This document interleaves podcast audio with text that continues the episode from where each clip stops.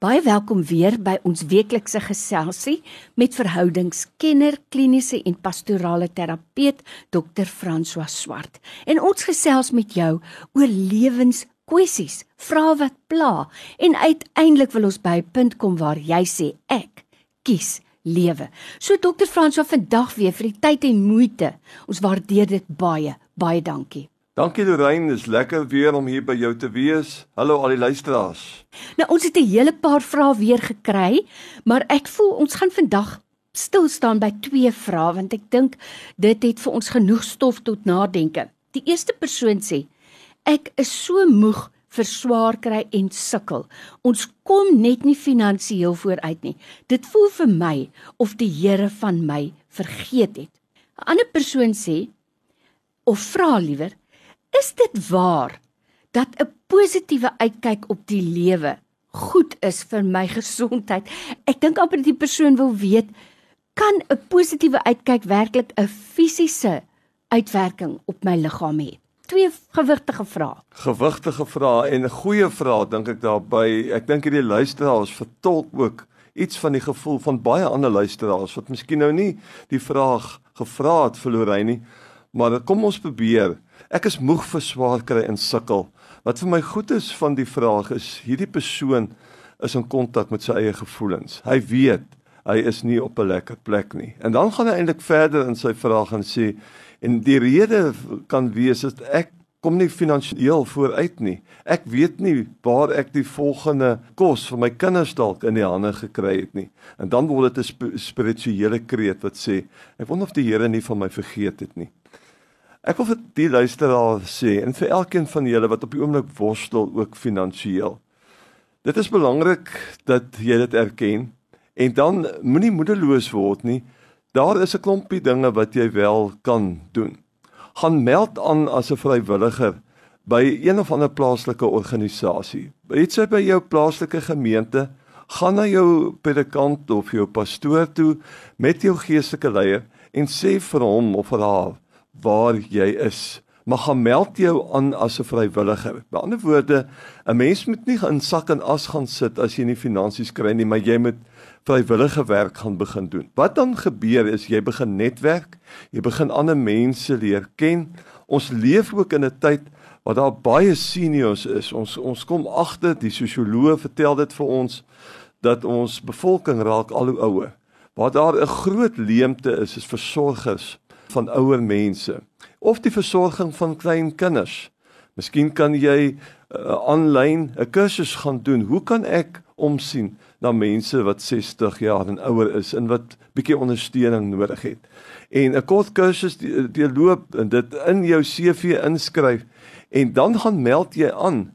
Eers as 'n vrywilliger en voordat jy weet, kan daar 'n deur vir jou oopgaan.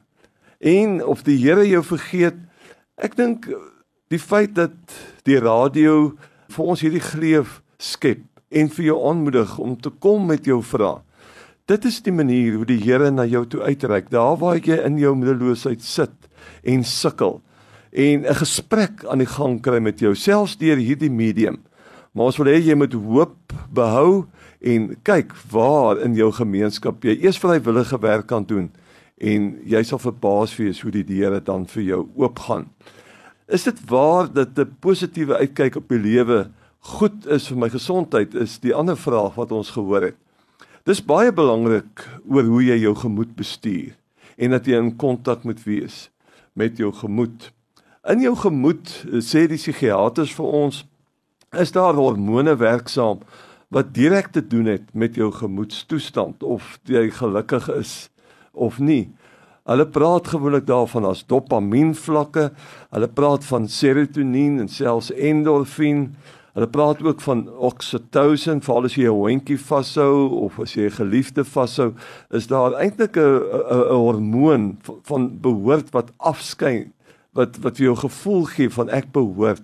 Die Engelsman sê a sense of belonging. Dis belangrik dat ons kyk na ons maniere van dink. Die filosowe sê vir ons daar is meer as 10, 15 maniere om te dink. Studente wat dit bestudeer leer al hierdie denkpatrone En baie keer val 'n mens vas in 'n in 'n soort van 'n tonnel van eensydige denke of tonnelvisie. En dan het jy nodig om om na iemand toe te gaan wat vir jou ook kan help. Is daar nie 'n ander manier hoe ek na die lewe en na my omstandighede kan kyk nie? Die uitwerking beslis. Dit is so dat as jy 'n positiewe ingesteldheid het, het en jy is met positiewe denkprosesse, dan gaan daai endorfien afgeskei word. Daai serotonien gaan afgeskei word en dit gaan 'n goeie uitwerking hê dan ook op jou liggaamsgesondheid. Die probleem Lorraine wat ons het is wanneer ons gespanne en gestres is en bekommerd is, dan skei ons uh, pituitêre klier geweldig baie adrenalien af. Jy kan maar bietjie daar vir julle dokter gaan vra dat hy dit mooi vir julle verduidelik. Adrenalien is goed vir jou want dit kry jou spiere aan die gang en dit laat jou opstaan en doelgerig begin jy dan werk. Maar as jy te veel adrenalien het en jy oefen nie gereeld om daai oortollige adrenalien weg te werk nie, dan slaan dit oor na kortisol toe. En kortisol gaan na jou brein toe en dit gaan eet al die goeie feel good hormone wat vir jou positief die lewe laat ervaar op. Daarom 'n mens moet baie mooi kyk na jou geestesgesondheid. Ons is nou net hier Oktober maand wat ons weer daaroor gepraat het. En as jy voel maar ek kom nie by die punt dat ek meer positief is nie, bly dit altyd 'n goeie idee om na iemand toe te gaan wat jy dink kundig is wat vir jou ook bietjie daar rondom kan help. Jy weet en Dr. Frans, ons lees tog immers in die Bybel Spreuke 17 vers 22 bevestig dit en sê vir ons 'n vrolike mens is 'n gesonde mens, 'n neerslagtige mens raak uitgeput. En nou dit nou vir ons eintlik ook die fisiologiese redes gegee waarom dit so is.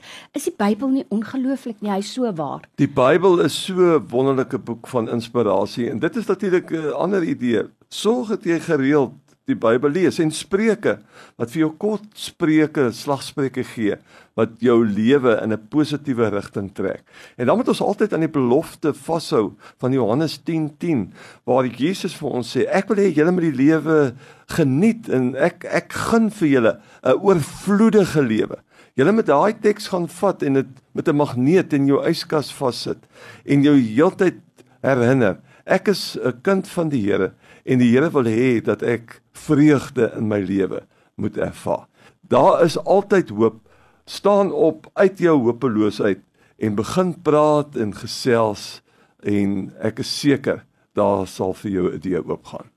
En dit slotte wil ek net ook iets noem. Jy weet, Dr. Fransoa, ons word met media toegegooi.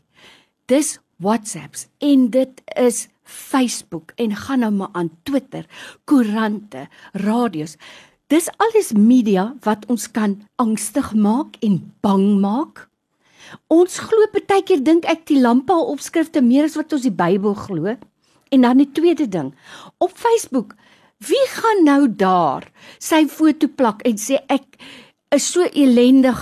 Ons het nie kos nie. Mense plak net prentjies van hoe hulle uit eet in 'n restaurant, hoe gesond hulle is, hoe gelukkig hulle is, hoe suksesvol is hulle kinders. En ons begin dit as die evangelie te glo. Is dit nie waar nie? Is dit nie tyd en het dit nou so mooi gestel? Gaan sit net weer, vat die Bybel, lees die beloftes van die Here en hou daaraan vas.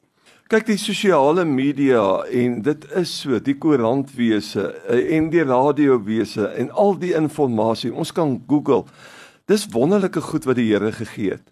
Maar Lorraine, ek is so bly jy vra die vraag. Ons moet versigtig wees vir hierdie oorlading van nuusgebeure wat ons kyk. En ons kom in die gewoonte die eerste ding wat ons doen en elke 5 minute is ons op ons selfoon en wil ons weet wat gaan in Facebook aan. Maar ons moet ons moet kyk of ons ons tyd nie beter kan bestuur nie. Mm. Dit sou baie help juis vir jou gemoed dat jy jouself beperk om te sê ek gaan 'n sekere tyd naby die middaguur dan gaan ek so vir 15 minute op hierdie verskillende platforms beweeg. Maar weet jy dan s'ek klaar en dan vanmiddag dalk weer so 5 uur se kant eh, en dan dalk nie is miskien nie so goeie idee net voordat jy slaap nie want dan kan dan iets wees wat jou ontstel. Mm maar beperk jou jou tyd wat jy op hierdie platforms uh, verwyl want uh, dit is so mense sit hulle beste voetjies voor En dit is nie altyd die ware prentjie wat jy sien nie. Dit is so waar. Kom maar neer op dissipline en ek dink as baie mense die helfte van die tyd spandeer in die woord van die Here as wat hulle spandeer op sosiale platforms, sal die wêreld 'n baie beter plek wees. Dis dokter François Swart, verhoudingskenner, pastorale en kliniese terapeut wat vandag weer met ons gesels het. Onthou, as jy vra het, stuur gerus vir my 'n WhatsApp na Radio Tygerberg 084 66 14104 of stuur vir my 'n e e-pos na rt104fm.co.za. Ons groet vir jou tot volgende week. Totsiens.